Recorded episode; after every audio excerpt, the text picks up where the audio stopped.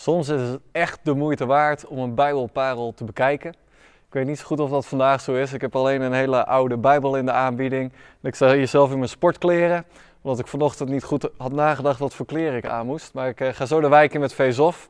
En ergens linkt dat wel leuk aan deze Bijbelparel. Ik wil eerst een stuk met jullie in de Bijbel lezen en dan gaan we erop in. Matthäus 18, vers 20.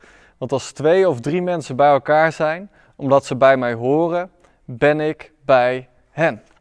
Nou, hele bekende Bijbeltekst. Misschien ken je hem ook wel vanuit uh, in een groepje bidden met een klein groepje ergens in een huiskamer. En dan is er altijd wel iemand die dit bidt. En het geeft mij altijd eh, een van de volgende gevoelens, namelijk je probeert misschien wel wat af te dwingen. Zo van, hé hey, God, wij zijn toch bij elkaar, dus u zou hier moeten zijn. Misschien is het ook wel uh, dat je het uitspreekt voor een bepaalde bewustwording. Hè? Van, ook al zijn we maar met weinig, we zijn eigenlijk toch met veel, want u bent erbij.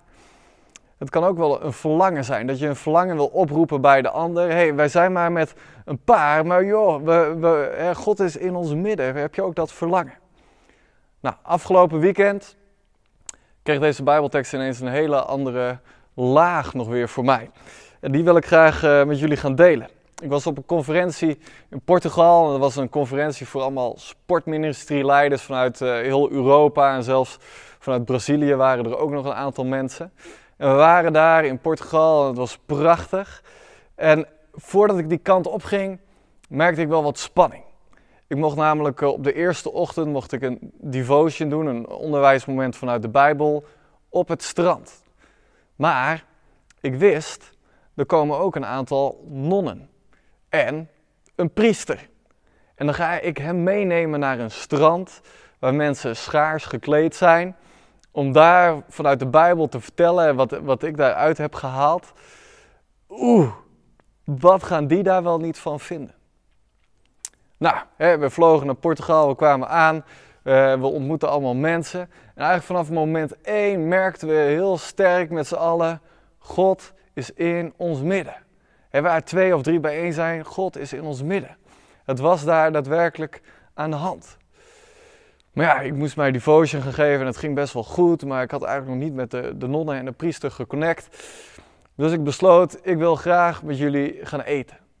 Nou, en ik ging met deze twee nonnen in eerste instantie eten. En het was, werd een prachtig gesprek, een heel open en eerlijk gesprek, waarin ik hun hart mocht zien, waarin ze mijn hart bevroegen.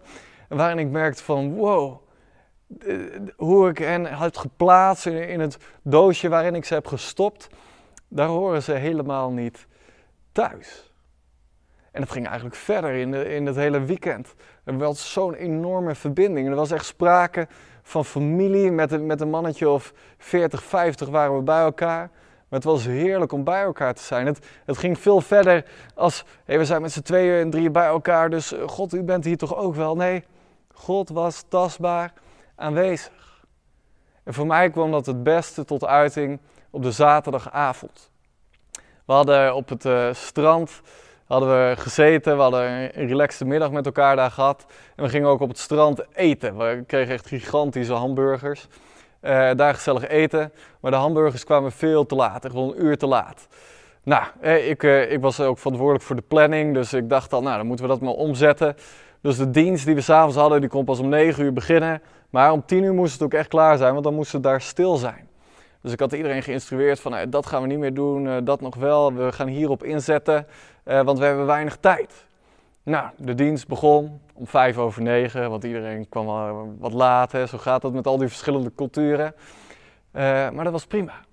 En toen kwamen de mededelingen en toen ging iemand een mededeling houden die twee minuten mocht duren, maar die duurde wel een kwartier. Maar het was nog steeds prima, want er was daar een sfeer van familie. En toen ging de, de MC wat vertellen en die zei, ja, we gaan geen spel doen, maar ik heb nog wel een mopje. Ging die een mopje vertellen. En het kostte allemaal wat tijd en het ging maar door. En ik had zo gestrest kunnen raken omdat mijn hele planning in de soep liep. Maar het was goed, want we waren aan elkaar verbonden als familie. En die avond zei ook nog iemand, ik voel me in de geest verbonden aan jullie allemaal. We gingen voor de preek, hadden we ruimte voor één liedje, dus we gingen zingen Our God is an awesome God. Nou, dat liedje heeft vier regels, dus die duurt niet zo heel lang. Maar joh, wat daar los kwam, direct vanaf het eerste moment dat we begonnen te zingen. Er was verbinding. dat ging eigenlijk nog veel verder dan God is in ons midden. En hoe kon dat? Dat, dat het op deze plek zo sterk was. Nou, misschien heeft het wel te maken met het vers wat hiervoor staat, vers 19. Daar staat: Dit moet u vooral weten.